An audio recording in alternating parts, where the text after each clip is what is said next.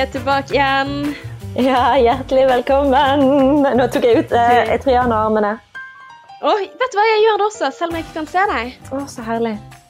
Det er helt fantastisk. Men hjertelig velkommen til en ny episode av Sexløs og singlish. Vi er on, selv om det nå er første påskedag. Ja, sant. Det er jo eh, I morgen, tirsdag, så er vi jo tilbake igjen til eh, arbeidslivet. Eller i hvert fall eh, flesteparten av oss. Tilbake til Ja. Disse her rare rutinene som vi nå er oppe i med korona og alt dette her. Åh, vet du hva, jeg syns at eh, det har vært ganske rart, selv om det har vært påskeferie også, altså. Jeg er klar til å få tilbake eh, hverdagen, altså. Ja, jeg òg kjenner det at det blir godt å komme tilbake igjen eh, til jobb. Uh, I dag så har jeg lyst til å Jeg har funnet en sånn her uh, topp fem uh, mest vanlige konfliktene som man har i et forhold, som jeg har lyst til å ta opp i dag.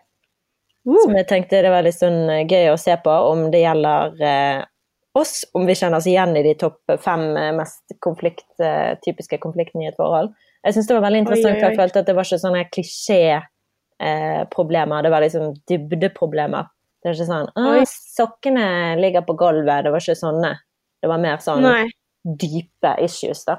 Så det gleder jeg meg til å gå inn i. Men det passer jo veldig bra når du har skrudd på en podkast som handler om kjærlighet og dating og relasjoner. Mhm. Så det var spot on, Martine. Ja, klart det. Jeg må snakke om eh, kjærleiken. Ja, det er jo Ja, gøy. Men Men Ja, hva skulle du Ja. si? jeg skulle bare høre hvordan eh, påsken din har vært. Ja, altså det, det er jo det som er så rart, da. Av korona og dette, så føles det ikke ut som påske. Det gjør ikke det. Um, Jeg har jo da vært i Oslo i begravelsen til farfar, og Ja, det var utrolig fint. Um, vi eh, hadde jo Vi var jo i kirken, faktisk. Jeg visste jo ikke hva jeg kunne forvente meg, og hva vi skulle gjøre, sånn, men eh, vi var i kirken, og så eh, var det med vanlig minnesgudstjeneste hvor vi satt på annenhver benk. Og ja, det var så kjipt, for det så søsteren til farfar, hun satt liksom på en benk for seg sjøl. Mm. For du kunne ikke sitte ved siden av henne eller ta på henne eller Så hadde du lyst til å klemme henne. sant. Ja, det var veldig spesielt. Men eh, det var fint at vi kunne ha det. Så at, vi, Mm. at vi fikk det. At vi fikk vært der for farfar. Og så etter eh, gudstjenesten så var vi, gikk vi ut, og da sto flere av vennene deres utenfor kirken spredt. Og jeg hadde ikke forventet at det kom til å være noe når vi kom ut, for det var jo ingen når vi gikk inn. Så det var veldig Mm. sånn ah, rørende, da. At det var flere som ville følge han til bilen. Det var, sånn, Mm. det var, det var fint. Og så så jeg en sånn eh, sommerfugl der. Og det var litt sånn merkelig, for jeg så en gul sånn sitronsommerfugl. Aldri sett en sånn sommerfugl før. Eh, på gravplassen. Mm, eh, det var, den var aleine, da. Og så Mm. dro vi alle sammen på hytten vår og grillet.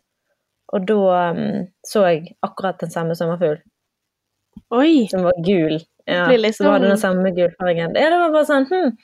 Det var så rart, for den var liksom rundt oss hele tiden, og jeg så ingen andre sommerfugler, det var bare den. Og da følte jeg liksom hm, Det var liksom spesielt. Sånn spirituelt, åndelig øyeblikk. Ja, eh, oppi mitt overtroiske hode så ble jeg liksom That's a sign. Men eh, Ja. nei, det var, det var fint. Det var men- fint.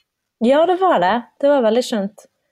Men eh, nei, påsken har bare vært rar, egentlig, og, koselig. eh, veldig avslappende. Men nå er jeg liksom klar for å komme tilbake igjen på jobb, og ikke Jeg føler jo liksom Du er på ferie, men hjemme. Mm. Sånn, sånn, du Ja, for du har klart å Men du har klart å liksom beholde litt sånn feriefølelsen, eller?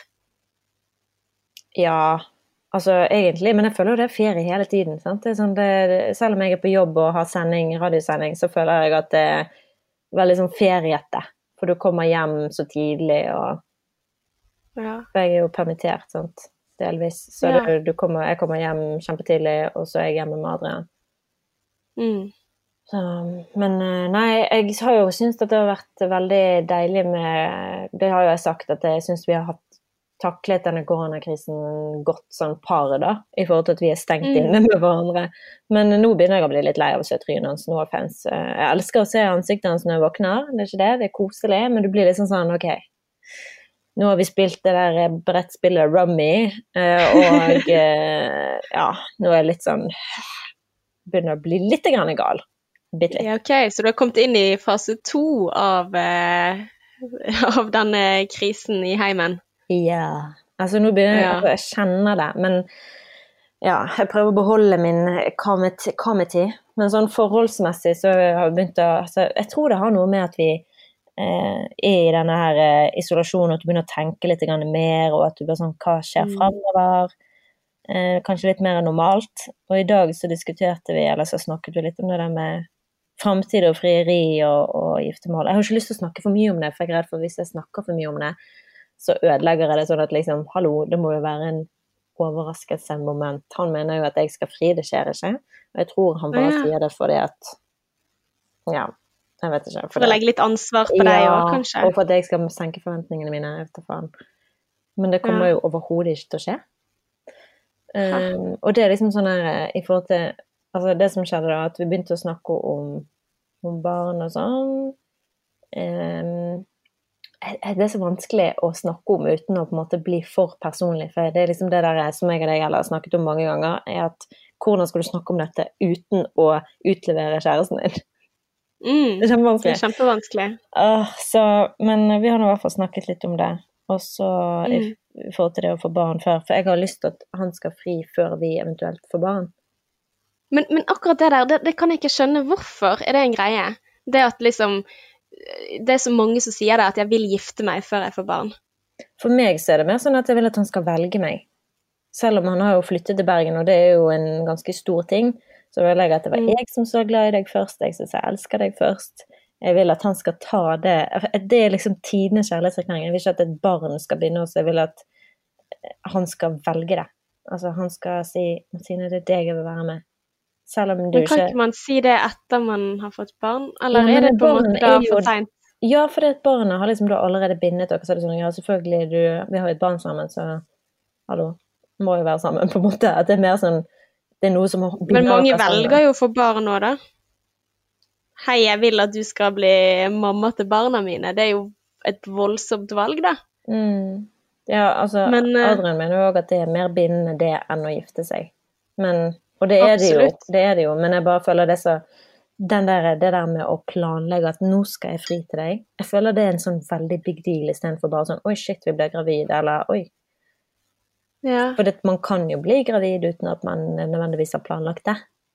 klart. Og det er greit. Altså, for. jeg, for det, jeg tenkte litt på det, jeg har faktisk tenkt litt på det der også, at eh, for alle de For jeg har jeg f.eks. for eksempel invitert i et bryllup i sommer, da, som mest sannsynlig ikke blir noen ting av Mm. av eh, eh, korona, og så tenker jeg litt sånn Oi, shit, tenk hvis det var det som lå bak, sant? at de ville gifte seg før de fikk barn. Hva skjer da med barneplanen? Altså, jeg, jeg jeg begynner å tenke sånn, da.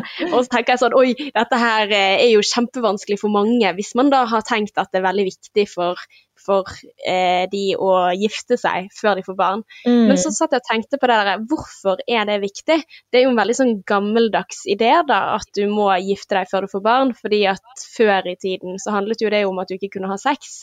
Eh, altså, du kunne ikke få barn før du var gift, fordi at av religiøse grunner, og at Gud måtte ja, eh, velsigne det hele, og eh, bladi, bladi, bla. Men hvorfor er det sånn at vi fortsatt i 2020, og kanskje mange av de ikke er religiøse engang, da skal tenke på Altså gjøre det samme som alltid har skjedd før, bare fordi at sånn er det. Og så har jeg trodd at det var fordi at eh, ja, eh, jeg ville ha en skikkelig fest, eh, drikke meg dritings høy før eh, kidsa kommer inn, eller du vil ikke være gravid samtidig, for da kan du ikke drikke vin i det hele tatt. Men, men det kan jo du gjøre selv om du har barn. Men Mm. så jeg har ikke tenkt på det på den måten du har tenkt på det, da, eh, Martine. Ja, for meg så er det mer sånn romant romantisk gesture, sant. At eh, ja, rett og slett han skal velge meg før barna velger oss. Altså, Ja. Men da blir jo det veldig, veldig viktig. Da blir det så stort. Da blir jo det. sånn det Hvis du ikke gjør det, da er fallgruven sånn helt insane. Ja, og det er jo det jeg har begynt å tenke på. Det er jo litt sånn urettferdig. Jeg tror det er pga. alderen vi er i, da. At jeg begynner sånn Ja, men skal ikke du fri snart, da? Hvorfor har ikke du gjort det ennå? Betyr det at ikke du er sikker på oss? Betyr det at du egentlig har lyst til å vente og se om det er noe som skjer, og at du Sant? Men man har jo ulike forventninger, ulike bakgrunn. Det er jo det òg. Man glemmer at han har jo sin følelse om hva et forhold, eller hvordan et forhold skal være, eller hvordan eh, fallgruvene er, og, og opplevelser med, med sine foreldre. Mens jeg har jo en opplevelse med mine foreldre. Og Mm. i, i min familie så valgte jo pappa mamma veldig fort. Han fridde jo når de var eh, Altså, når de var, han var 17 år, eller 16 år, tror jeg han fridde til henne. What? Ja. Er det sant? Ja, de gikk jo på folkehøyskole sammen, og mamma var to år eldre enn han. Hun var 18 og han var 16. Og så, så han fridde liksom veldig sånn uformelt, da, i tøflene sine. Det var ikke Han fridde seinere òg, men det var sånn meg og deg, vi skal gifte oss en dag. Og det har liksom den romantiske sånn Å, å velge hverandre og bare sånn Du er min, og jeg Men vet at jeg de- å være med deg. Men var de forlovet da når Altså, når hun sa ja, OK, Mm. vi skal gifte Ja, oss altså, en gang. Eh, ja, altså de var jo det, men han, jeg tror han fridde igjen senere med en ekte ring og sånn, at han fant en ring, for det, jeg tror ikke han hadde en ring på det tidspunktet. Jeg er litt sånn dårlig Mm. på å huske historier og sånn. Men poenget er at han fridde da Altså, han sa til henne at 'jeg velger deg', veldig ungt. Mm. Og selv om ikke de har De har jo selvfølgelig ikke hatt et perfekt eh, ekteskap på noen sånn måte, men bare den romantiske ideen Ja, ja, hvem det? Men den romantiske ideen, da, på at man velger hverandre, at man liksom vet at du er den rette, og eh, trenger ikke å vente for å vite det, vet det. Jeg syns det liksom Mm. er så fint, da. men jeg tror det òg har med Bare oppi hodet mitt så har jeg liksom mine tanker på hva som er riktig å gjøre, hvordan man skal gjøre det. Jeg hadde alltid sånn nå, siden jeg etter jeg ble singel, og øh, når jeg var singel, så så jeg for meg at når jeg kommer i forhold igjen, så kommer det sikkert til å bli sånn bom, bom, bom. Og så ser jeg jo veldig mye par rundt meg og Adrian som med en gang de møtes nå i den alderen vi er i nå, så går det veldig fort fra dating til ekteskap. Mm. Ja, absolutt. Mm, og da, Eh. liksom, da, da begynner man å sammenligne seg. Sant? Betyr det da at ikke vi hvorfor, Hva betyr det for oss at ikke vi gjør det? Ja, tenk hvordan det er for meg som har vært sammen med en i ti år, og så kommer det noen som har vært sammen i et halvt år, og så Mm. er det bare bam! Så tenker jeg sånn Ja. Eh, hvis man går inn i den, da, så kan jo det gå et dystert sted. Men der eh, er jeg såpass eh, Altså, der eh, jobber jeg med en sånn cocky innstilling til det hele, hvor jeg tenker dere vet ikke ennå. altså, bare for at jeg ikke skal bli lei meg. Mm. Ja, men det er veldig vanskelig det der når, når man ser andre rundt seg gjøre det sånn, og spør sånn Hvorfor er ikke det sånn med oss? Men, Mm. alle forhold har det jo forskjellig, og eh, det er jo òg veldig feil av meg å tenke sånn Ja, for det, er sånn som du sier, at du har jo par som har vært sammen i flere år, som ikke har giftet seg, men jeg tror òg at når du har vært sammen så lenge, og i hvert fall når du blir sammen når du blir så ung, så mm. Altså, jeg vet ikke, det, det, den romantiske det, Man er blitt så vant til hverandre, sant? Så jeg tror grunnen til at Mm. når man frir så fort når man er eldre, er jo fordi at ok, jeg er, jeg er klar for å slå meg til ro, og det her føles riktig, så jeg gønner på. Og det gjør det i den nyforelskede fasen. Mens dere var en, siden dere var så unge, og når dere var unge, så var det ikke aktuelt å gifte seg. Og til slutt så blir man på en Mm. måte så vant til hverandre at det å ta det steget, det, liksom, det føles ikke nødvendigvis så naturlig å gjøre det, for det, liksom, det har gått så lang tid at du vet liksom ikke når skal det da skje. For den nyforelskede ja, fasen er jo over, sånn. så det er sånn Hvilket år skal man gjøre det på, eller ja Og da blir det mer sånn ja, men det gir vel mening, mer enn sånn ja, hun er den rette, jeg må bare gifte meg med henne. Skjønner du? Mm. Det er litt sånn trist, da. Jeg vet det. Det vet jeg. Ja. Jeg vet det. Ja. Alle mine romantiske ideer har uansett bare blitt knust. Altså, jeg ville ha sealed the deal, altså, Martine. Jeg ville ha jeg, Ja. Hadde jeg vært sammen med deg, så hadde jeg bare gitt deg en ring med en gang, altså. Åh, kanskje du si det til Adrian? Ja, jeg håper han hører på. Ja. Og så var det meningen at du skulle si det samme til meg, da. Ja, men, men selvfølgelig. Men jeg tenker jo òg at um, i forhold til dere, da At han Mm. kunne Hvis du hadde møtt han nå? Mm. når dere var gammel, så hadde han hatt mye lettere for å fri. Ja, men det er det jeg mener, at det er mye lettere for å fri når man møter hverandre senere, for da er man sånn Ja, jeg er klar for det, mens det er jo ikke det at Men det, det er bare det jeg mener, at jeg tror ikke at han tenker noe annet enn at du er den rette. Men det er bare vanskelig Mm. å vite når skal man fri, for man var sammen så lenge. Men så er det også veldig rart at dette her er en sånn der eh, universell mål på kjærlighet. Det er jo ikke det. Det er snakk om en dag, liksom, og at man har noen papirer på at man er sammen. Jeg vet. Så, Jeg vet så i utgangspunktet er det veldig rart at man, man ønsker det, da. At, Mm. Eller det er jo ikke rart. Det er jo tradisjoner. at- Vi er veldig glad i tradisjoner. Sånn. Ja. Men det var sånn eh, eh, En eller annen fjott har, har du sett der 95 Days to Wed? Nei. Nei. Å, herregud, du har noe å glede deg til. Nå har jo jeg fått deg til å se eh, Love is Blind. Ja, jeg har faktisk ikke sett det videre siden sist vi snakket nei. sammen. Nei, jeg bare? Hei, jo, nei, eller jeg binsjet, og så tar det litt sånn eh, Ja, jeg må liksom bruke litt sånn eh, energi for å sette det på igjen. Å, ja. Ja. Ja, men så har du i hvert fall noen som heter 95 Days to Wed. Og det handler da om at de skal gifte seg eh, fulle farten, og sant? at de skal gifte seg etter 90 dager eller sånt, og at de eh, dater hverandre på tvers av jordkloden og sånn. Eh, så det er litt samme konsept, bare at de har litt lengre tid.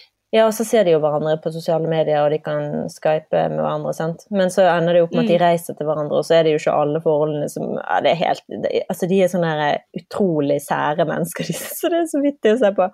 Men han ene, da, som òg er veldig spesiell, fra Nederland, i Mm. første episode, han sier noe som Han virker som en klovn, men det han sa, var veldig klokt, og det var at eh, i forhold til sånn, fordi produsentene bare Ja, kommer du til å fri til henne? Kommer dere til å gifte dere? Så er det sånn Så sa han at jeg vet ikke hva som kommer til å skje i fremtiden, og at kjærlighet ikke måles med tid, det måles med hjertet. Når det føles riktig, så er det riktig. Og det syns jeg var sånn hm, Det var veldig klokt sagt. Det er ikke sånn at ja, innen to år så burde de vært forlovet. Du burde forlove deg når det føles riktig i hjertet ditt. Mm. Og på ingen Men det andre som er farlig altså Nå skal jeg være litt djevelens advokat, da. Mm. Men hvis man har den ideen om at ok, hvis det hadde føltes riktig for deg, så hadde du fridd til meg, da Mm. er det bare så igjen til den der eh, store fallgruven. Mm. Eh, og det der at ok, men det føltes riktig for meg akkurat nå, dette her er noen ting jeg vil at du skal gjøre for meg. Altså, det er jo en sånn forventning om at noen andre skal ta det steget, og så kanskje for de så er det ikke så viktig. Mm. Da er det liksom ikke det der med bryllup, det har aldri vært noe greie, sant. Altså sånn, jeg har eh, Mine foreldre var jo aldri gift, sant. Jeg har egentlig ikke noe forhold til, til det, eller at hørt historier fra jeg var liten av at det var sånn det skjedde, og altså Jeg tror ikke jeg har noen historier om et frieri som, som jeg kan huske fra barndommen, da Mm. at alle historier har jeg fått i voksen alder, og hørt om andres foreldre som liksom Ja, og det var så fint, fordi at da skjedde det og det og det. Og helst i eldre alder hvor jeg tenkte at åh, en sånn historie vil jeg også ha. Mm. Samtidig som at ja. jeg vet liksom ikke. Du så vet hvis jeg hadde ja, men altså, hadde jeg tenkt at Hadde jeg liksom lent meg på den ideen om at hadde du følt det var riktig, så hadde det skjedd, da hadde jo jeg sagt at OK, så du har ikke følt at det var riktig i ti år.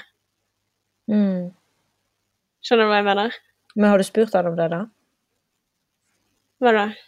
Nei, om, om frieri, eller dere snakket liksom om Herregud, det har vi jo Altså, jeg føler jo vi har snakket om det siden vi ble sammen. Å? ja, altså sånn Ja, sånn tullete, da, på en måte. Mm. Men eh, nei. Nei, men jeg, altså, jeg vet ikke. Jeg har ikke lyst til at eh, Ja, hvis jeg gifter meg en gang, så gifter jeg meg en gang. Uh, om ikke, så gjør jeg ikke det. Mm. Så er det ikke viktig for deg? Eh, det er jo Altså, det blir viktig hvis jeg sier at det er viktig. Skjønner du hva jeg mener? Nei, men hva føler du det? Nei, altså selvfølgelig, alle vil jo, sånn som du sier, bli valgt på en eller annen måte. Men Mm.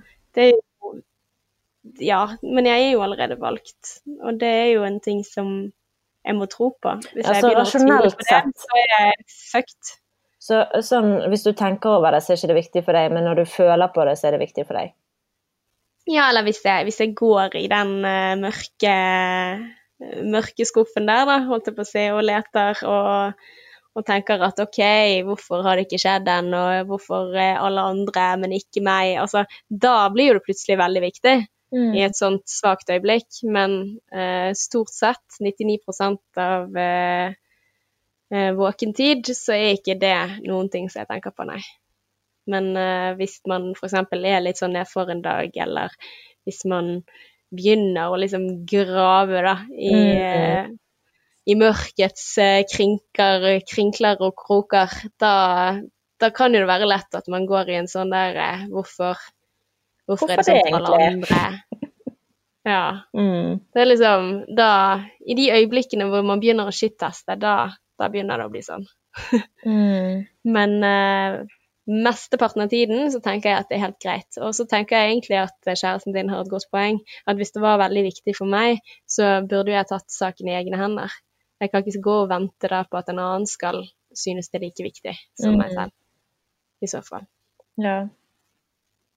Ja, du får ta så Hadde du noensinne fridd? Mm, ja, så hvis det hadde vært dritviktig for meg, så hadde jeg gjort det. Jeg er ikke enig med deg, for dette er dritviktig for meg. Men det hadde ikke falt meg inn i fem sekunder å fri. Nei. Nei. No fucking way. Det skal jeg ha. Jeg vil ha det. Jeg har sett fram til det siden jeg var bitte liten. Jeg vil ha det frieriet. Men det er litt sånn her igjen, sånn akkurat det samme som jeg mente innledningsvis når vi snakket om det å gifte seg før man får barn, Mm. at det er jo en sånn gammeldags eh, måte ting skal bli gjort på. Og så bare gjentar vi det uten å tenke gjennom det. Mm. Det er litt det jeg tenker, da. At uh, vi må skrive ny historie, ikke nødvendigvis bare gjøre det som har skjedd før. Mm. Men for all del, hvis jeg kunne ha valgt, altså uavhengig av skjønn, kunne jeg valgt skal jeg være den som blir valgt, eller skal jeg være den som velger, så vil jo jeg være den som blir valgt. Mm. Det er veldig fint. Mm. Fin opplevelse som jeg, jeg har lyst til å oppleve det fra den siden, i hvert fall. At det er noen som viser at jeg betyr så mye for dem at de har lyst til å gjøre det. Mm. Men eller Men, hvordan eh, går det med deg? Jo, eh, det, går, det går nå. Jeg er møkk, møkk, møkk lei av å ikke møte venner. Mm. Og jeg kjenner liksom på det. Jeg hadde veldig sånn etterlengtet denne påsken. Og jeg har, sånn som vi har snakket om tidligere, at jeg har liksom hatt så mye ideer om alt jeg skal få, få gjort og, og prosjekter, og at eh, det å få litt ekstra tid, det gjør meg ingenting, for jeg har så mye å finne på. Uh, og de tingene der, det tror jeg har ødelagt mye for meg, da. At, uh, at jeg har satt i gang med masse ting, og så har jeg ikke ja, jeg, jeg, jeg tror bare jeg er litt for ekstrovert for å være så mye aleine. Eh, og det Ja, hva sa du? Nei, altså du syns det er vanskelig? Jeg syns det er skikkelig vanskelig Uh, siste uken. Men, men nå, nå har jeg liksom Ok, jeg får snakket litt ut med kjæresten min om, om hva jeg syns er vanskelig, og jeg føler at ok, nå, nå går det framover. Nå, nå starter jeg på jobb igjen i morgen, og selvfølgelig så blir det fortsatt en del hjemmekontor, men også noen dager på kontoret. Uh, men jeg tror det er så veldig, veldig bra for meg, da. Uh, det å komme seg ut. Det å ha orden på mine egne dager. For jeg tror det som gjør at, at ting blir vanskelig hjemme, det er nok det at eh, jeg og kjæresten min vi har ulik døgnrytme. Eh, han er helt klart B-menneske, mens jeg Mm. fungerer mye bedre hvis jeg er A-menneske. Men så er jeg ganske tilpasningsdyktig, og så tilpasser jeg meg eh, automatisk han. Og så blir jeg litt sånn OK, vi kommer oss ikke i gang, jeg kommer ikke meg ut i dagslys, jeg, jeg får ikke den eh, oversikten over dagen som jeg har ellers. For at til vanlig så er jeg vant til å ha et liv som er sånn smukk, smukk, smukk. smukk. OK, jeg er på jobb til da til da. Rett etter jobb så går jeg på trening da, eller så går jeg på kor, eller så skal jeg ha stemmeprøve, eller så skal jeg møte den vennen. Altså hver eneste dag for meg er en sånn veldig planmessig kabal, og nå har jeg mistet alt det, da. Mm. Uh, og det merker jeg at jeg, jeg blir koko av det. Og det å ikke vite eksakt tidspunkt på når jeg kan møte andre. Sånn som i dag så har jeg planlagt at jeg skal gå på tur med noen kompiser eh, med god avstand. Eh, men allikevel så er det sånn at når ingen har noen andre rammer å forholde seg til, så blir det sånn OK, eh, skal vi ta det da, eller skal vi ta det i morgen? Eller det er ingen som kan si et eksakt tidspunkt, og da jeg blir helt forbanna gal av det. Ja, men, men jeg gjør det. Jeg, jeg, jeg kødder ikke. Og så tror jeg også, jeg har tenkt litt på det, at kanskje fordi at Eh, altså sånn, Jeg elsker kjæresten min. Han er helt supergøy å være med. Eh, og vi har hatt det veldig gøy i disse fasene også. Sånn, har, sånn som f.eks. når vi hadde et puslespill på 1000 biter og skulle samarbeide om det. Det var helt konge. Men jeg tror det at jeg er veldig mye mer ekstrovert enn det han er. Mm. Jeg har mye mer behov for å møte flere mennesker. Eh, og han har kanskje mer altså Selvfølgelig, jeg tror han også går på veggen av meg, da. Jeg skal ikke si det på den måten. Han har nok veldig behov for å møte noen andre enn meg. Men jeg føler liksom at mine opplevelser ikke teller med mindre jeg har noen å fortelle de til. Og hvis han da har Vi har satt i gang med ulike prosjekter, og jeg blir gående alene og gjøre dette prosjektet, så, så føler jeg liksom Jeg har et veldig behov for at vi skal gjøre dette sammen. Akkurat sånn som at hvis du ser på TV, og det er en som ikke følger med på det TV-programmet, da klikker det for meg. ja, men Skjønner du hva jeg mener? Mm. Jeg skal slutte å si 'skjønner du hva jeg mener', jeg sier det hele tiden. Men, eh, men hvis noen sitter på telefonen, og man ikke har den felles opplevelsen, så, så er det et eller annet som ja, går klikkings i meg, da. Mm. Uh, mens han kan liksom putle på med sine egne greier. Og det kan jeg også, men jeg må ha den planen på at OK, nå putler vi på med egne greier, og så skal vi gjøre dette tingene vi skal gjøre sammen, sånn som vi skal ja, uh, lage middag sammen, eller vi skal gå den turen. Men hvis den blir utsatt og utsatt og utsatt, så blir jeg helt sånn gal. Ja. Så uh, jeg, jeg, merker at dette noe må gjøres, da. Mm. jeg kan ikke Jeg, mister litt, uh, litt meningen når dagene er så like, og at jeg ikke føler den kontrollen som jeg vanligvis gjør, da. Ja, men det er veldig rart å skulle plutselig gå fra å ha et veldig kaotisk liv, som jeg tror vi begge har, eh, til å roe det helt ned. Men jeg har syntes det var deilig, men jeg har òg kjent liksom sånn de to-tre siste dagene, for de to siste dagene til sånn, sånn som i går, sånn på å kjede meg i hjel. Jeg tenkte bare sånn åh, Mm. Jeg føler jeg bare følger etter det Adrian holder på med, fordi at han sitter og pakker Mm. ut og eh, har ting han må sortere. Det har ikke noe jeg må gjøre. Og så føler jeg òg Mm. at hvis jeg sitter og ser på 90 Days to Wed, og han sitter og pakker ut, så er det sånn skeiv fordeling, selv om jeg absolutt ikke har noe å ta meg til som jeg trenger å gjøre. Så er det sånn Mm. den følelsen av eh, å ikke bruke tiden sin på noe nyttig, når du egentlig burde finne noe kreativt å holde på med. Jeg kan få mer, jeg føler meg bedre med meg sjøl hvis jeg sitter og leser en bok. Eller hvis Mm. jeg skal eh, sitte og kanskje skrive boken min, eller sånn ting som jeg føler jeg burde Ja. gjøre. Men som jeg bare Nei, jeg vil heller sitte og se ut i luften enn å gjøre det jeg bør gjøre. Altså, jeg har sånn der, eh, Og så blir jeg irritert på meg sjøl, for jeg syns jo ikke det er noe gøy. Det er ikke noe gøy å sitte og se på Adrian holde på å sortere, f.eks., eller hva enn det gjør. Men jeg Mm. bare følger etter han. Altså, jeg kan liksom skjønne den, det du sier med at du bare følger den andre, og så blir du egentlig irritert og ikke glad av det. Ja, men jeg har satt i gang med veldig mange sånne fellesprosjekter. da, Sånn som jeg har malt det siste rommet vi har i leiligheten. Eh, og så har jeg liksom sett for meg at etter jeg er ferdig med de fellesprosjektene, så kan jeg begynne på mine prosjekter.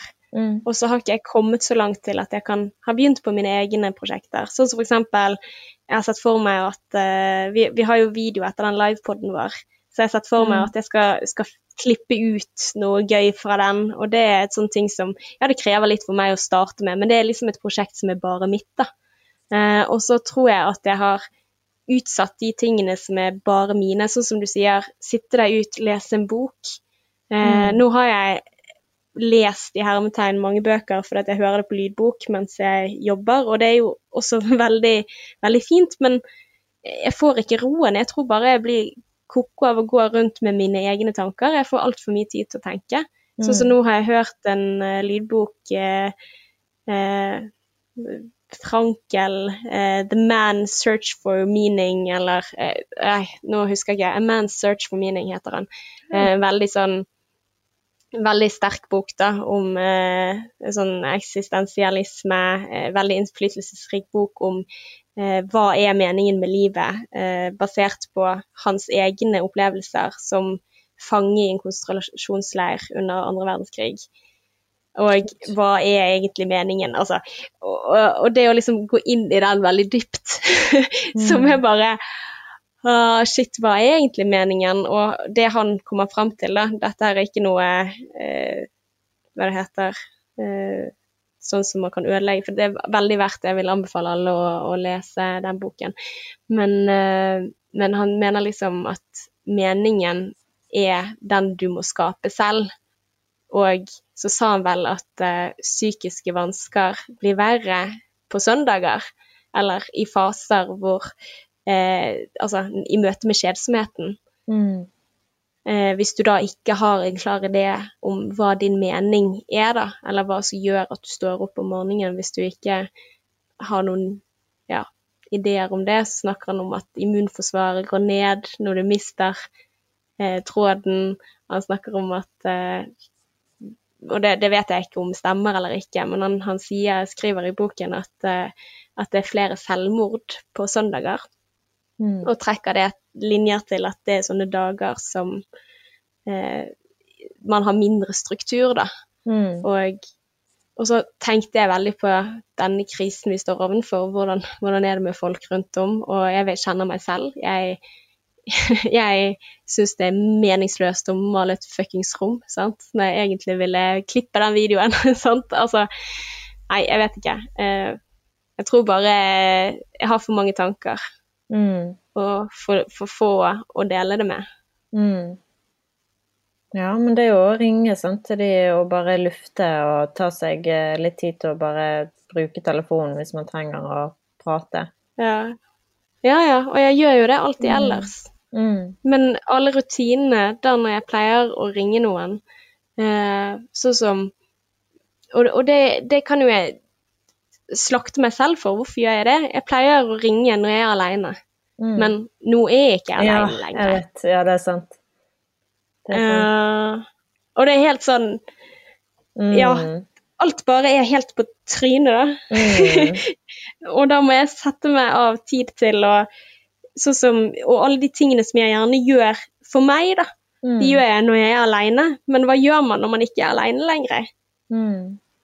Så det jeg tror kanskje jeg må bli flinkere til å bare OK, sette av tid til at når vi er sammen, så er vi sammen når vi er sammen, men at vi kan være i samme hus uten å være sammen. Ja.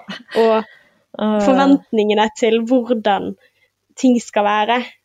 Det, er skjerpings, eller jeg kan bare gjøre noen ting med meg selv, da. Og det tror jeg kan være til hjelp. Mm, absolutt.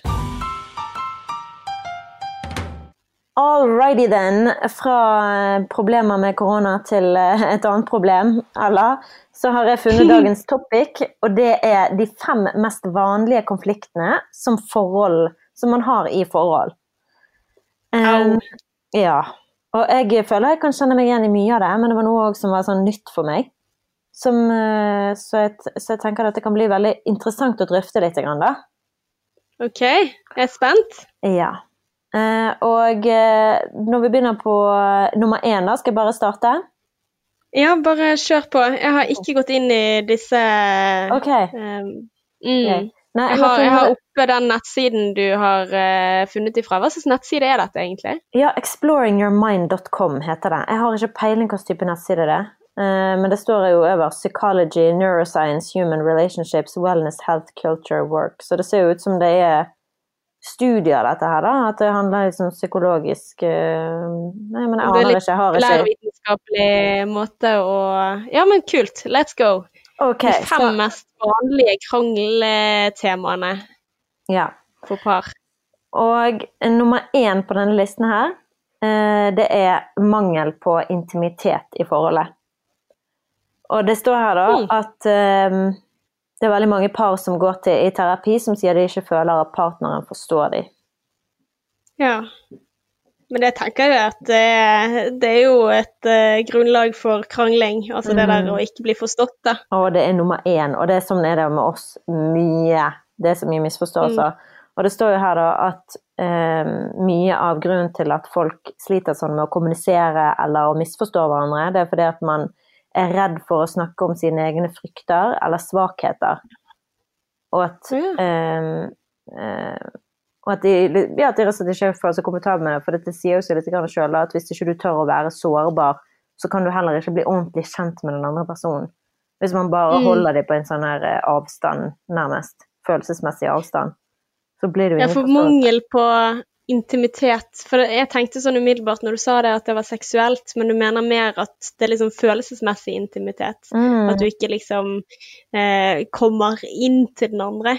mm, Altså, dette her er noen ting som jeg kan, jeg kan kjenne meg igjen i det på eh, Hvis det har vært litt for lenge hvor TV har vært hovedaktivitet. Å?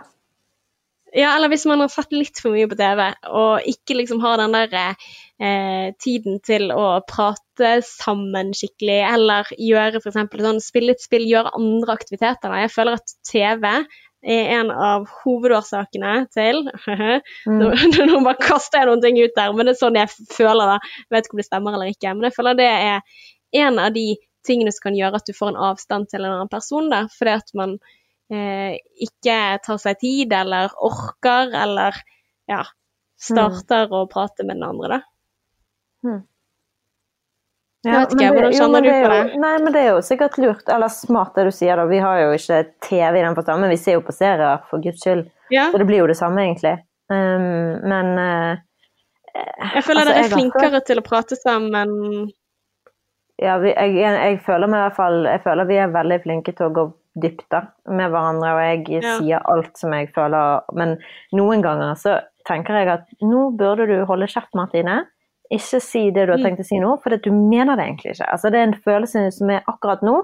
Sånn som for eksempel eh, Og du elsker meg ikke, for du har ikke fridd til meg ennå.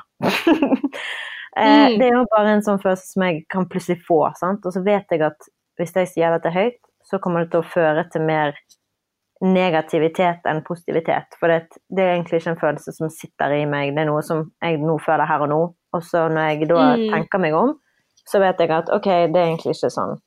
Og det vet jeg. Så det er liksom av og til Mm. føler jeg at det å åpne seg kan være mer ødeleggende enn oppbyggende, da. Ja. ja, det er Eh, faktisk sant. Mm, Jeg må skille mellom uh, hva er faktisk nødvendig å si, og hva er ikke det. ja. Uh, men eh, skal vi gå videre?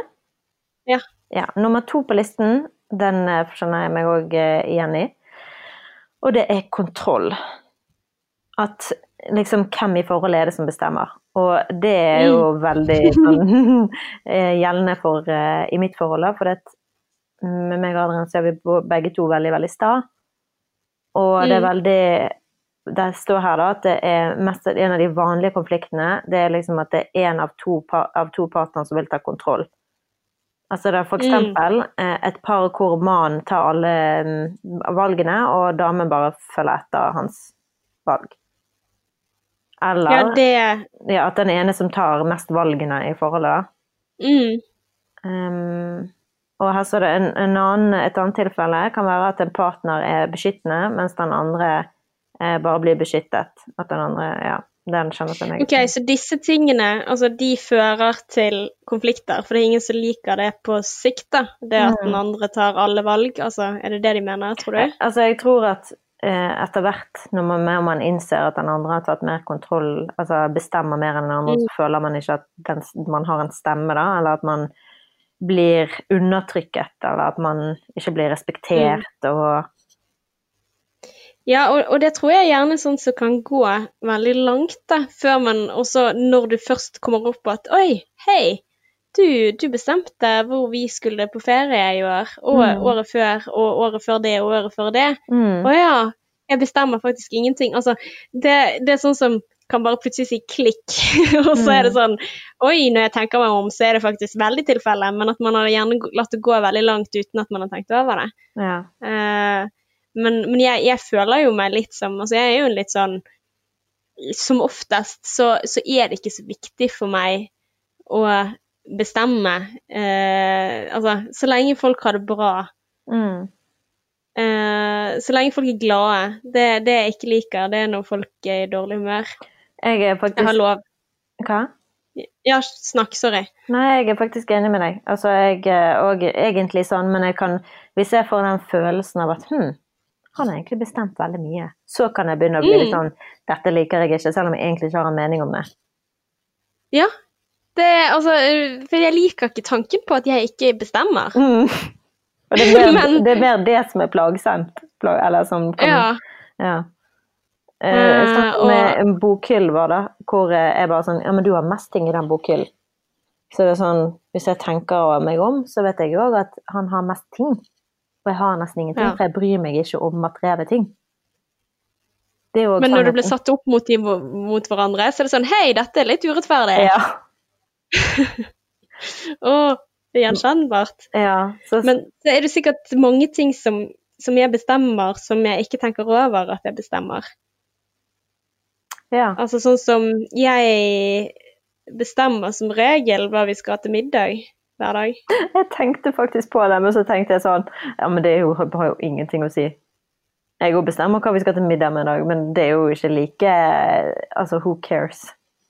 Ja, men hvem bryr seg? Altså hvis, det, hvis mitt mål med å ha en ferie, da, eksempel, Mm. er at vi skal ha det kjekt, og jeg vil gjerne ha litt sol. Eh, ikke det at jeg skal, skal vifte med dette her opp i trynet til folk, i og med at vi mest sannsynlig ikke kommer til å reise noe sted i sommer. Men hvis det, men hvis det liksom er sånne ting som er viktig for meg, så er det ikke eh, hvor hen? I don't care.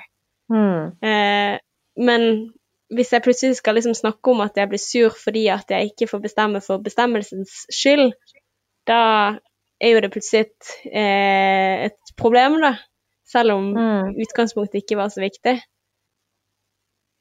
Mm. Så Og, og jeg tenker også at hvis eh, Med tanke på middag, middag er dritviktig for meg.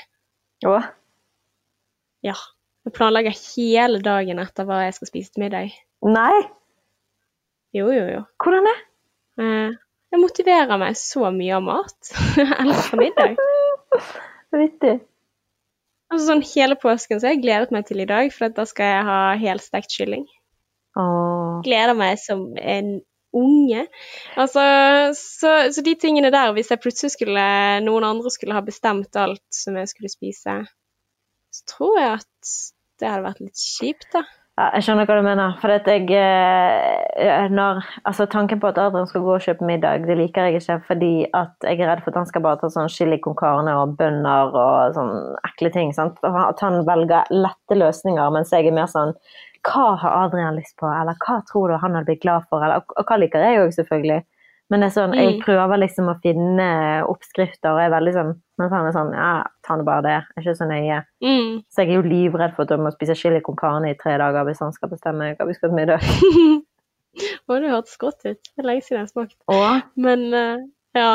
Nei, men, eh, men du er jo veldig glad i å lage middag. Men ja, jeg er enig. Kontroll, det, det, det kan jeg se for meg at det er noe folk krangler om, altså. mm.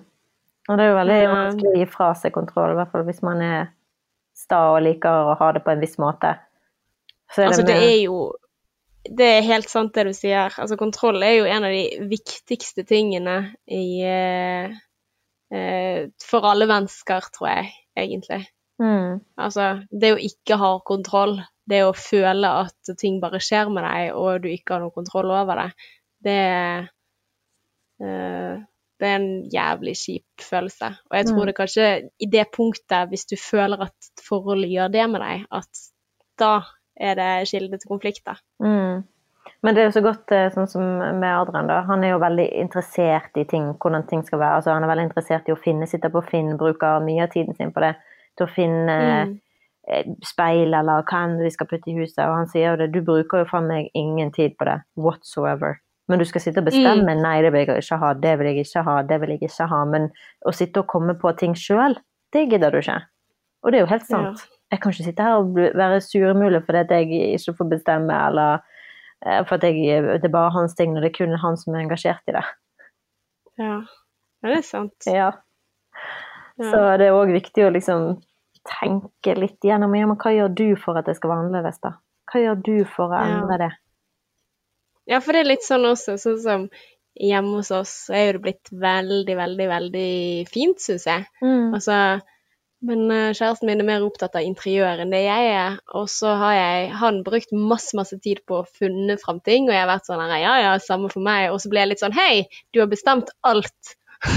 og så er det eh, noen ting jeg har latt skje veldig greit, og så hadde jeg da satt meg inn i det og gjort et uh, god, god research, så uh, ja, Nettopp. så hadde jeg nok vært uh, og jeg er dritfornøyd med sånn som det ser ut, så hvorfor skal jeg være sur for det, da? Mm, samme hos meg.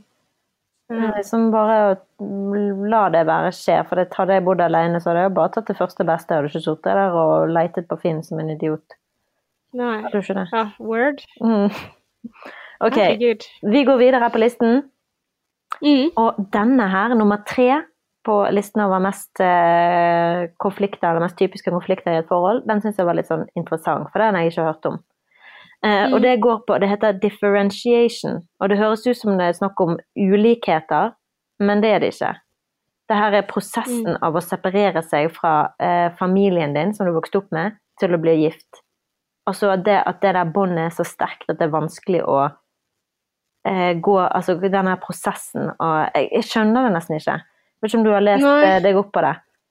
Differentiation? Nei, jeg har ikke det. Men jeg følte at eh, Men det kan hende at engelsken min er jævlig dårlig, da. Men jeg, jeg så for meg litt sånn her at uh, indifferentiation Altså at du Nei, vent litt. Jeg, har et annet begrep i hodet. Mm. Så jeg er dyslektiker, sånn, så jeg kan se på hvordan ting skrives, og så kan jeg høre et helt annet ord i hodet. Mm. Eh, men jeg tenkte at det betydde sånn at man ikke brydde seg, eller ja. Nei, men, men i forhold til det, du de sa, da mener, da ja, det, det de mener, er at eh, familien nå har større innflytelse på deg enn det de hadde før i tiden. Og det trodde jeg var motsatt. At vi nå er liksom mye mer eh, independent, altså mye mer uavhengige av vår familie, altså våre foreldre og våre søsken.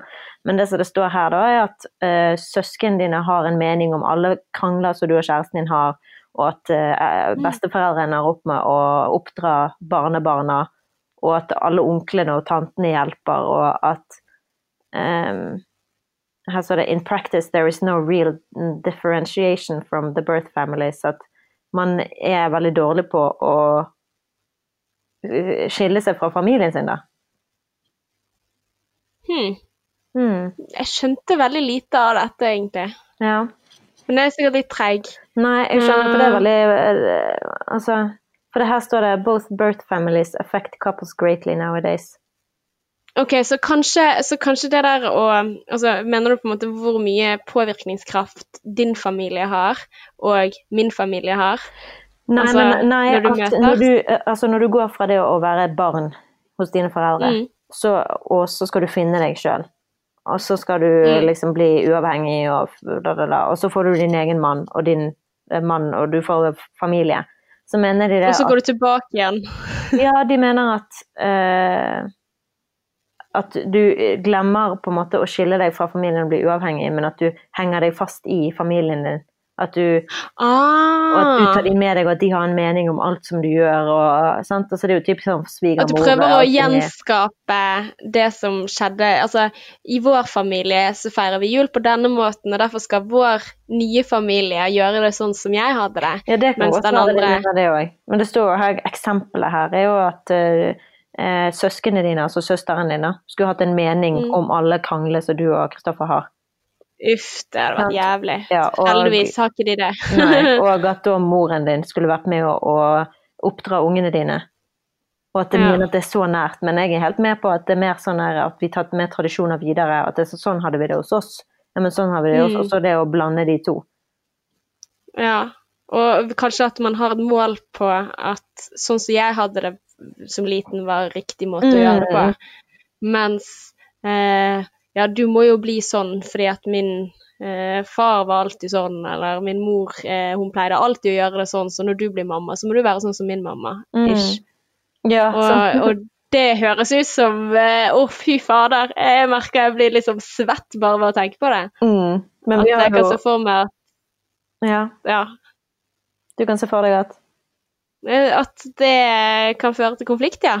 Ja, definitivt. Men meg og Adrian har diskutert det med barn òg, og sånn, hva vi vil føre med oss videre, og hva som er viktig for oss. Det, altså, jeg føler jo at vi er veldig enige, da. Men uh, Mm. det blir jo veldig spennende, for du vet jo ikke det før du faktisk prøver det, før du får barn, før du ser. Uh, så det er jo helt umulig å vite hvor store forskjeller man egentlig har på hva man mener er riktig Ja, ja, ja. riktig. Ja, men jeg tror også at på idéplanet så kan dette her være eh, kilde til konflikter. Mm. Altså før det har skjedd. Altså Mm. jeg så for meg at, eh, at mitt fremtidige barn skal eh, Ja, hva var det for noen ting, da? Men vi kranglet jo ikke om det, det var jo bare morsomt. Men eh, sånn som han sier at eh, jeg vil at vi skal eh, At barnet mitt skal spille i korps. Jeg korps? Du vil ikke at jeg skal spille i korps? Mitt barn skal spille i orkester. og så, så blir det sånn der eh, Hva skal fremtidens barn holde på med? Uh, og greien er at fremtidens barn, hvis det noen gang kommer, altså bank i bordet, uh, det kommer jo til å ja, velge selv. Mm. Definitivt. Men det er jo noen Vi ting har som du ingenting vi har skulle ha sagt. Nei, men det er jo sånn som oppdragelse og sånn, da, som er mer sånn Som gjør at man kan gjerne ha en konflikt i hvordan man skal oppdra barn. Um, Mm. Adrian sa at han ville at ungene skal flytte ut når de var 18. Mm. De skal ut, da. Det er ikke noe du skal være hjemme og bo til oh. Nei, ja, de skal ut. Ferdig. Streng. Mm. Men jeg var sånn hm, interessant. Jeg tror kanskje Ja. jeg er enig i det. Jeg syns det var en fin sånn Ja, bare sånn Nå må du klare det sjøl. For det vi babyer vel, det ser du veldig mange som bor hjemme mye lenger enn det som de egentlig trenger, og føler på den trygge. Men det er liksom sant Kaste de ut i vannet, svøm for faen. Ja. jeg skal sørge for at, uh, at mine barn vil flytte ut. Når de er gamle nok til å flytte ut. Ja. Nei da. Men altså sånn, jeg flyttet nå ut Altså, mange er jo 18 når de er siste år på videregående. Jeg tenker du skal bli ferdig på videregående før du flytter ut. Jeg flyttet ut da jeg var 18. Jeg hadde det siste året på videregående. Ja, det gjorde jeg jo. Mm. Er det sant så heldig du er? Ja, det var veldig gøy. Jeg eh, angrer ikke på det i det hele tatt. Nei, altså jeg hadde gjort det hvis jeg hadde fått lov til det.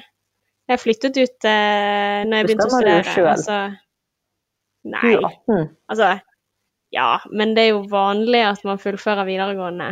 Eh, altså jeg var 18 i to måneder Nei, jeg ble 18 i oktober, og så er det et halvt år igjen på skolen. Mm.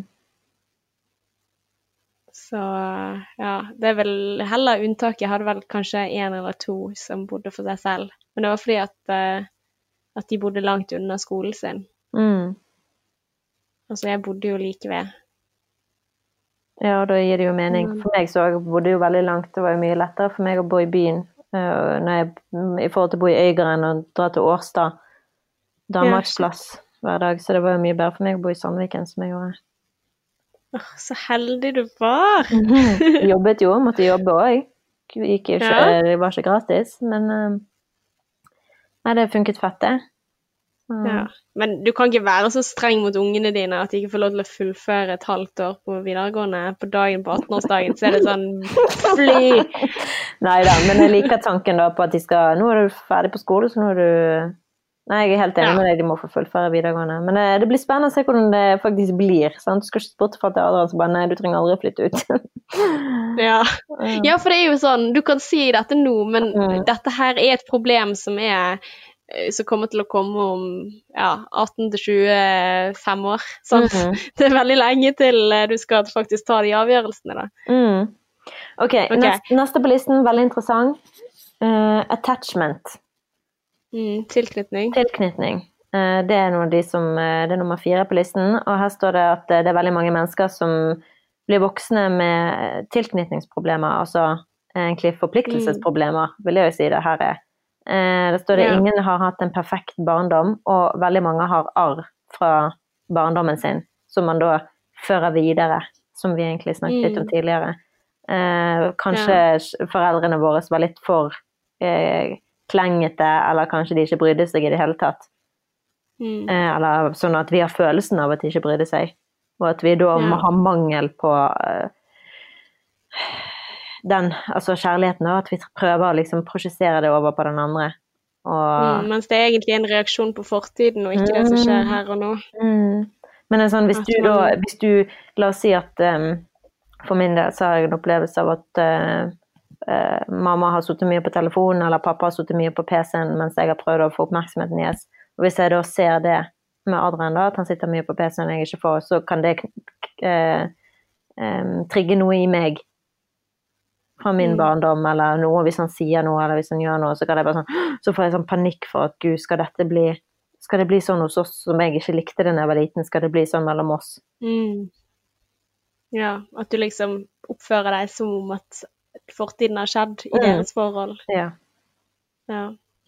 At eh, det er jo litt sånn at man lager en altså, tidlig tilknytning eller ja, samhandling med foreldre eller omsorgsperson. De lager litt sånn rammene og modeller for hvordan man forventer at kjærlighet er tilgjengelig for deg senere. Altså at du lager en forventning av andre og av deg selv i møte med andre, Mm. eh, basert på, på tidlige erfaringer. Ja, altså, eh, husker jo det, noe av det første tingene Adrian sa til meg, det var jo at det var veldig viktig for han at den som han var sammen med, var veldig varm, og eh, at alle, at det var nok til alle, at liksom at når folk kommer på besøk, at du eh, tar vare Mm. på dem da, at alle føler seg hjemme hos oss. Ja.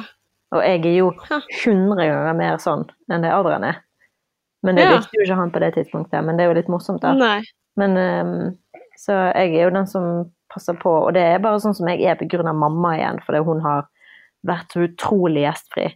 Uh, Ja. Og alltid liksom fikset opp og sørga for at de som er på besøk, har det de trenger, og masse mat og drikke, Mm. alt sammen sånn. Og det er jeg veldig glad for at jeg har tatt med meg videre. Ja, så det er en sånn Mm, i positiv forstand, det. Ja, egentlig. Mm. Men det er jo bare tilfeldig, for det kunne jo vært at jeg ikke var sånn. Men det er jo en av de grunnene til at han liker meg, selvfølgelig. At jeg er sånn. Ja. Men, ehm, Men, men det er jo en fin måte å, å se det på, for når man snakker om tilknytning, så snakker man gjerne om problemene, da. Altså de problemene som oppstår hvis man har blitt møtt på en uhensiktsmessig måte eh, i barndom. mm. Altså sånn for eksempel, så du sier, at enten om man har blitt overbeskyttet, det er jo heller ikke bra, eller hvis du har eh, møtt veldig, altså det som er mest skadelig, sånn eh, omsorg som man ikke kan eh, forutse. Altså sånn i ett øyeblikk så er de kjempeglade, men i neste øyeblikk så er det sånn eh, sint, og du vet ikke hvorfor de er sint, og eh, sånne ting kan, kan gjøre at man, man blir veldig forvirret i møte med andre. Og hvis man har med seg det, f.eks. i et parforhold, mm. så, så kan man lett eh, bli eh, veldig såret og lei seg, og den andre ikke kan skjønne hvorfor. Hvorfor gjør du det? Eller? det er, jo, det er jo derfor kommunikasjon og sårbarhet er så ekstremt viktig. mm, og det å bli oppmerksom på hvordan har tidligere påvirk, altså forvent, nei, eh, tidligere erfaringer påvirket meg, og hvordan påvirker det meg i dag? Mm. Og eh, kanskje det, det trenger ikke å gjenta seg, da. Mm. Det kan hende at hvis jeg forstår at ok, det, det er av at det var kjipt da, eller fordi at jeg ble behandlet sånn, så, så reagerer jeg på denne måten, men jeg trenger ikke å fortsette å gjøre det, fordi at jeg er ikke i dette forholdet lenger. Mm. Eller jeg er voksen, og jeg har ansvar, og jeg har frihet. Men så er det jo litt interessant da, hvordan mange velger en, noen som minner seg om det som er hjemme, Mm. og at vi derfor nærmest tar med oss de traumatiske opplevelsene fra da man var små, fordi man Mm. gjenkjenner de andre ubevisst, og velger den Mm. partneren som minner deg om familien din. Ja. Hvorfor gjør- brent barn ikke skyr i ilden. Altså, Mm. ja. Mm. Så det Så man prøver liksom å fikse barndom gjennom et par, da. Men sånn som jeg ser det, det Vi har jo snakket tidligere om kjærlighetsspråk, de fem kjærlighetsspråkene. Mm. Og jeg ser jo det at, sånn som jeg har kom på nå i ettertid, det er at jeg eh, har veldig Jeg trenger ord, men jeg trenger òg å bli tatt på. Altså nærhet og kos Mm. og nærhet og klemmer og sånn. Og det er jo fordi mamma har vært sånn. Det er Ja. derfor jeg er så opptatt av ord, og fordi mamma har liksom hver dag Altså vært veldig sånn oppbyggende da, i ord, og vært veldig opptatt av å klemme og kose og susse og Så jeg føler liksom at det, det er grunnen til at det er så viktig for meg, fordi hun har gitt meg det. Mm. Men um, Fin. her Det er en fin mamma du har. mm, Hun er magisk. Mm. Eh, Ok, Men tar du siste, Martine? Yes. Eh, definisjon av nummer fem på listen over ting som eh, for, eh, folk i forhold krangler om, det er definisjonen på forholdet. Så Ja, definition of commitment. Eller eh, hva forpliktelse? Ja, forpliktelse. Hva er vi? Oh. Er vi eh, Ja, sant? Eh, og vi Where trenger liksom I? en label. Vi trenger en eh, å bli Vi trenger å si Er vi et forhold? Er vi forlovet? Hva er vi, hva er vi, hva er vi? Mm. Definisjonen av forholdet er veldig Ja. viktig. Det ser jeg for meg. Og så Mens noen mennesker ja. har mer Og igjen forventninger, hva vil det si? Mm. Mens noen har ikke der eh, behovet for å gifte seg, eller behovet for å eh, kalle det i et forhold, eller behov for monogami, eller ja. Det, er, være, Mm. det er jo ganske grunnleggende behov som er viktig å ta i starten, tenker jeg da. Hva, og det husker jeg det var en som sa til meg eh, når jeg var på en eller annen fest med jobben, så sa en til meg at eh, noe av det viktigste du gjør i starten av et forhold, det er å, å fortelle hvilke forventninger du har. Mm. Sant? Mine forventninger er f.eks. at jeg trenger å kunne flørte med andre, eller mine forventninger er at vi er 100% lojale overfor hverandre, og at du skal ikke flørte med en jævla sjel. Um, Ja. Ikke at man skal kontrollere hverandre, men at man i hvert fall sier 'dette er mine forventninger'. Deal with it. Men, men det når man sier det, da. Eh, sier at ja, jeg forventer det at du skal være OK med at jeg flørter med andre, Mm. og så er du forelsket i denne personen. Da hadde jeg ser for meg at jeg hadde bare sagt sånn her, ja, jeg er helt cool, sant? for at man later som at man er kulere enn det man er i starten av et forhold. Eh, å ja, ja, nei, og så håper man kanskje på at OK, men når du blir sammen med meg og forelsket i meg, så vil du ikke ha behovet for å flørte med andre, f.eks. Uh, så det der, eh, de der eh, Jeg tror vi kan likevel, selv om vi snakker om det i starten av et forhold, sitte og være og krangle om det i ettertid. Men det er jo det, du, du kan jo bare takke deg sjøl, da. Så jeg skjønner veldig godt at det er topp fem. Hæ? Ja, syns du? Ja, Syns du du? kan jo det. Selvfølgelig. Hvis du har fått beskjed Hei, jeg er ikke interessert i monogami. Eller jeg er Du har fått, Mm. du har fått klar tale fra dag én. Jeg Mm. er en flørtete person. Deal with it, eller ikke. Eller, altså kanskje vi være sammen, for det er veldig viktig for meg å kunne flørte med andre mennesker. Og du har sagt Mm. ja til det, at det går helt fint for meg, og så ta det tilbake senere. Det er jo kjempedårlig gjort. Ja. Er det? Ja, jeg tenker det, men altså eh, Det er veldig forståelse. Jeg skjønner hva du mener. De fleste sier nok sånn, og det er helt greit for meg, men hvis du da seinere Det er jo Du kan ikke la kjæresten din lide for at du har lovet noe du ikke klarer å holde. Ja, ja, men da kan du si at jeg, var, jeg trodde det var greit for meg, men det er ikke greit lenger. Nei. Hvordan Men da må jo man da ta standpunkt videre. Ok, men hva skal vi da gjøre? Skal vi være sammen? For jeg kommer ikke til å forandre meg. Jeg er en flørt. Ja. Du kan liksom ikke få noen til å forandre seg for deg. Og det er jo det som man sier om forholdet. Sant? Du kan ikke forandre en annen person. Kan man ikke? Nei. Satan. Det er jo det vi lærer eh, som unge når vi prøver å gå etter de her fuckboysene. Det er jo at du kan ikke forandre den fuckboyen med mindre han har lyst til å forandre seg sjøl. Det er jo han som er nødt til å komme med den åpenbaringen. Du kan ikke si at ja, men jeg vil ikke at du skal være sånn likevel. Det er Sånn, Å nei. Men jeg var jo veldig tydelig fra dag én på hvordan jeg var da. Ja, men jeg Mm. ombestemte meg. Ok, nei, men eh, det kan ikke jeg. Ja, jeg kan ikke, for det er jo- den følelsen Ja, men jeg kan bare se for meg da, for min egen del, den følelsen av å eh, At du har sagt tydelig fra dag én du, hvordan du er, og så sier den ja, men jeg vil ikke Mm. ha det likevel. Så er det sånn wow, ok, det er veldig heftig. Da godtar ikke du meg for den jeg er. Da Mm. sier du til meg at jeg er ikke god nok for deg. Ja. Og i noen tilfeller så er det sikkert riktig. Det er noen som ikke er god for deg. Sant? Altså, mm. i, I noen tilfeller så er det ikke nødvendigvis eh, ja, gull og grunn, altså at det funker, på en måte. Men, Mm. Men ja, du har jo helt rett at du ikke kan ta ansvar for andres handlinger eller noe sånt, men du kan bestemme deg hvordan du kan reagere på dem. Mm. Og derfor at du ikke kan gå ut ifra at du kan forandre andre, du kan forandre din reaksjon på det. Mm. Og så kan du finne ut vil du, er det verdt å forandre reaksjonen til det, eller uh, er det ikke det. Mm. Det er jo sånn som, det er jo noen ting som er ja, er Hva er rettferdig å forandre på? Sant? Det er sånn, I forhold til at Adrian er veldig, ikke så veldig på ord. Det, for han er ikke det så Mm. naturlig, og for han er det mer sånn Ordene kommer jeg med sånn når jeg mener det der og da. Sant? Og da altså det er veldig Jeg må jo akseptere at han er da en person som kanskje Han sier jo det at han har gitt mye mer ord til meg enn han noensinne har gjort til noen. Sant? Selvfølgelig, Selvfølgelig, naturlig nok, men han har virkelig prøvd å gå utenfor sin komfortsone, samtidig som at jeg har òg eh, gjort mye mer eh, hands on ting, som å hogge ved, som jeg aldri hadde fuckings falt meg inn å gjøre å, Mm. eh, for noen. Ja. Og- Så du har jo forandret deg, sant? Ja, men det er ikke Men- grunnverdiene mine som jeg har forandret. Nei. Det er bare det at jeg har forandret eh, For det greien er at vi begge elsker hverandre. Vi har bare forskjellige Mm. måter å vise det på. Og det skader ikke Ja. meg å prøve en annen måte å vise han kjærlighet på. Det er ikke noe som går Mm. imot mine verdier. sant? Så det er jo sånn, så lenge det ikke går imot verdiene dine, så gjør det ingenting å, å gjøre det. Og det er det samme som jeg må godta at jeg ikke kommer til å få like mye ord som det jeg gir. For dette, Mm. jeg kan ikke presse på han sånn som jeg er. Jeg må la han få lov å være seg Nei. sjøl. Men, men han kan prøve å gi meg mer ord enn det som er naturlig for han, for han vet at jeg blir glad for det. Mm. Men da er vi litt sånn tilbake til det vi har snakket om før i dag, det der med forventningene. Hvis man har en forventning om at OK, eh, jeg vil at du skal gjøre dette for meg, og så at man lager en idé om hadde du brydd, meg, brydd deg om meg, så hadde du Ja. sagt de ordene til meg. sant? Altså, eh, og det tror jeg er liksom en sånn OK, da, da er du så langt ute på eh, den planken hvor det fører til krangel. Mm.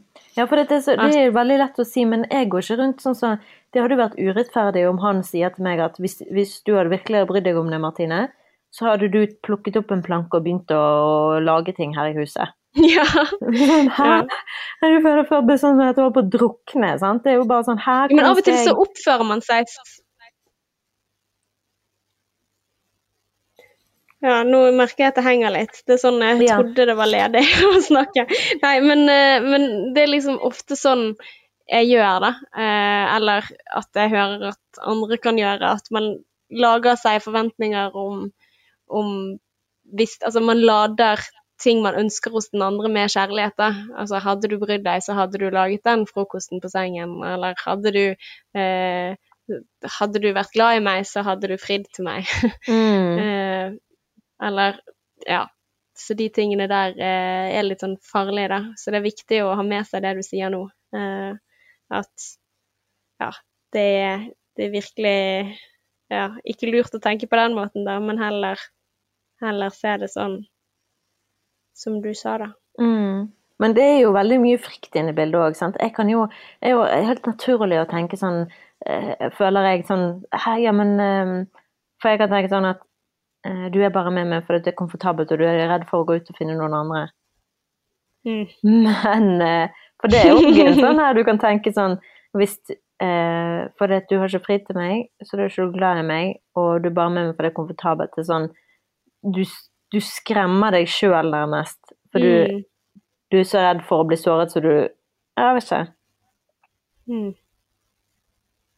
Ja, og så i tillegg så er det på en måte når man tenker de tankene, så bør man snu på det og tenke sånn Tror du så lite om partneren din at de er så stakkarslige at de bare er her fordi at de er komfortable? Ja, Eller- Jeg vet. Det, han, han sier jo det, det Hvis du tenker sånn, Martine, så går du Det sier jævlig mye om hva du tror om min integritet. Åh, oh, du så vri og vende på alt. Ja, men det er sånn? Ja, for det, alle issuesene som vi har, handler egentlig ikke om de, det handler om oss sjøl. Og det er det jeg innser i Mm. hver gang jeg tenker sånne negative ting. Det er fordi at jeg sjøl er redd for å bli forlatt. Jeg sjøl er redd for å bli overrasket eller tatt på sengen. Fordi jeg har blitt det Mm. før. Ja. Så jeg projiserer det over på han. Mm. ja, ja. Jeg kjenner meg igjen. Mm. Ja. Ja. Nei, Nei, det var- very nice. Interessante punkter, var ikke det? Det var liksom dypere Jo, enn disse her eh, sokkene på gulvet. Ja, ikke sant? Du tar og krangler. Én penger, to sokker på gulvet. Ja. Nei, Ja, nei, det var veldig bra, eh, Martine. Mm. Alt var gjenkjennbart. Ja, absolutt. Mm. Men det er Men du, så deilig å reflektere over. Eh, nå skal jeg vel snart eh, begynne på middag, tipper jeg. Eh, vi skal ha pasta Sweet. og pesto og avokado og bacon. Det er min favorittoppskrift. Jeg føler nesten at jeg banner i kirken når jeg sier bacon eh, høyt. Å ja. Er Jeg trodde du skulle si at jeg banner i kirken fordi at eh, jeg sier at det er favorittoppskriften min, fordi eh, du pleier å si det om alle. Nei, men jeg føler liksom jeg skammer meg når jeg spiser bacon, eller jeg spiser kjøtt, eller hvis jeg Kjøtt? sier til andre at jeg spiser kjøtt. Mm. Det er rart. Det har blitt sånn for meg. Ja. For det, Kanskje vi skal neste måned, da, kanskje vi skal gå inn i en challenge. oh my god. En uh, vegetarmåned, eller Ja. noe sånt. Det, det er ikke vanskelig det for min del. Jeg har mange vegetaroppskrifter. Jeg kan sikkert bli kjent med enda flere. Ja, men samme her. Vent da, nå er vi halvveis i april. La oss kalle mai, da. Mm. Nei! Det er litt kjipt. Sånn? Det er sånn med en gang jeg begynner å tenke. Det er 17. mai, jeg vil ha fedre nå. Men juni er bursdagen min, så det går ikke.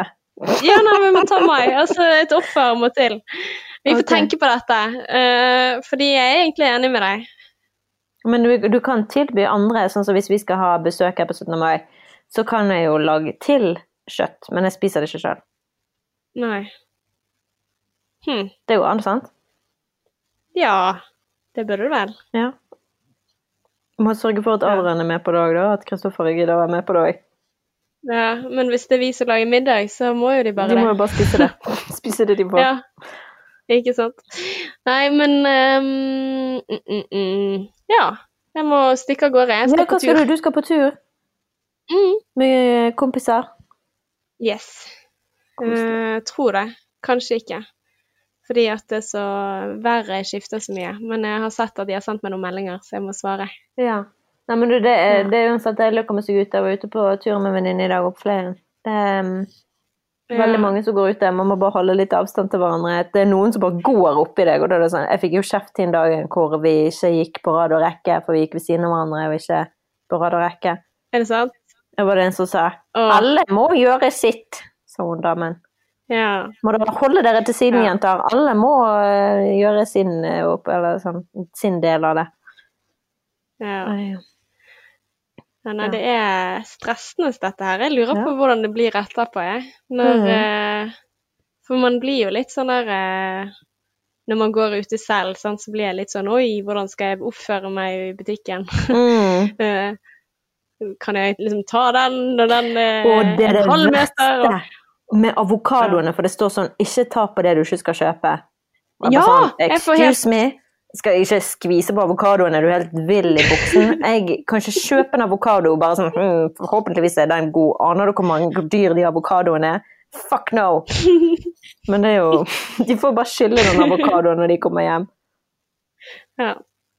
Ja. Du spiser hell heldigvis ikke skallet på den, da. Nei, du gjør jo ikke det. Nei, men å, nei, du Ja, Du tar på den. Ja. Nei, uff, Ja. det er skummelt å snakke om. For da får vi en kjempekjeftemelding fra noen som mener at vi vi sprer dårlig informasjon.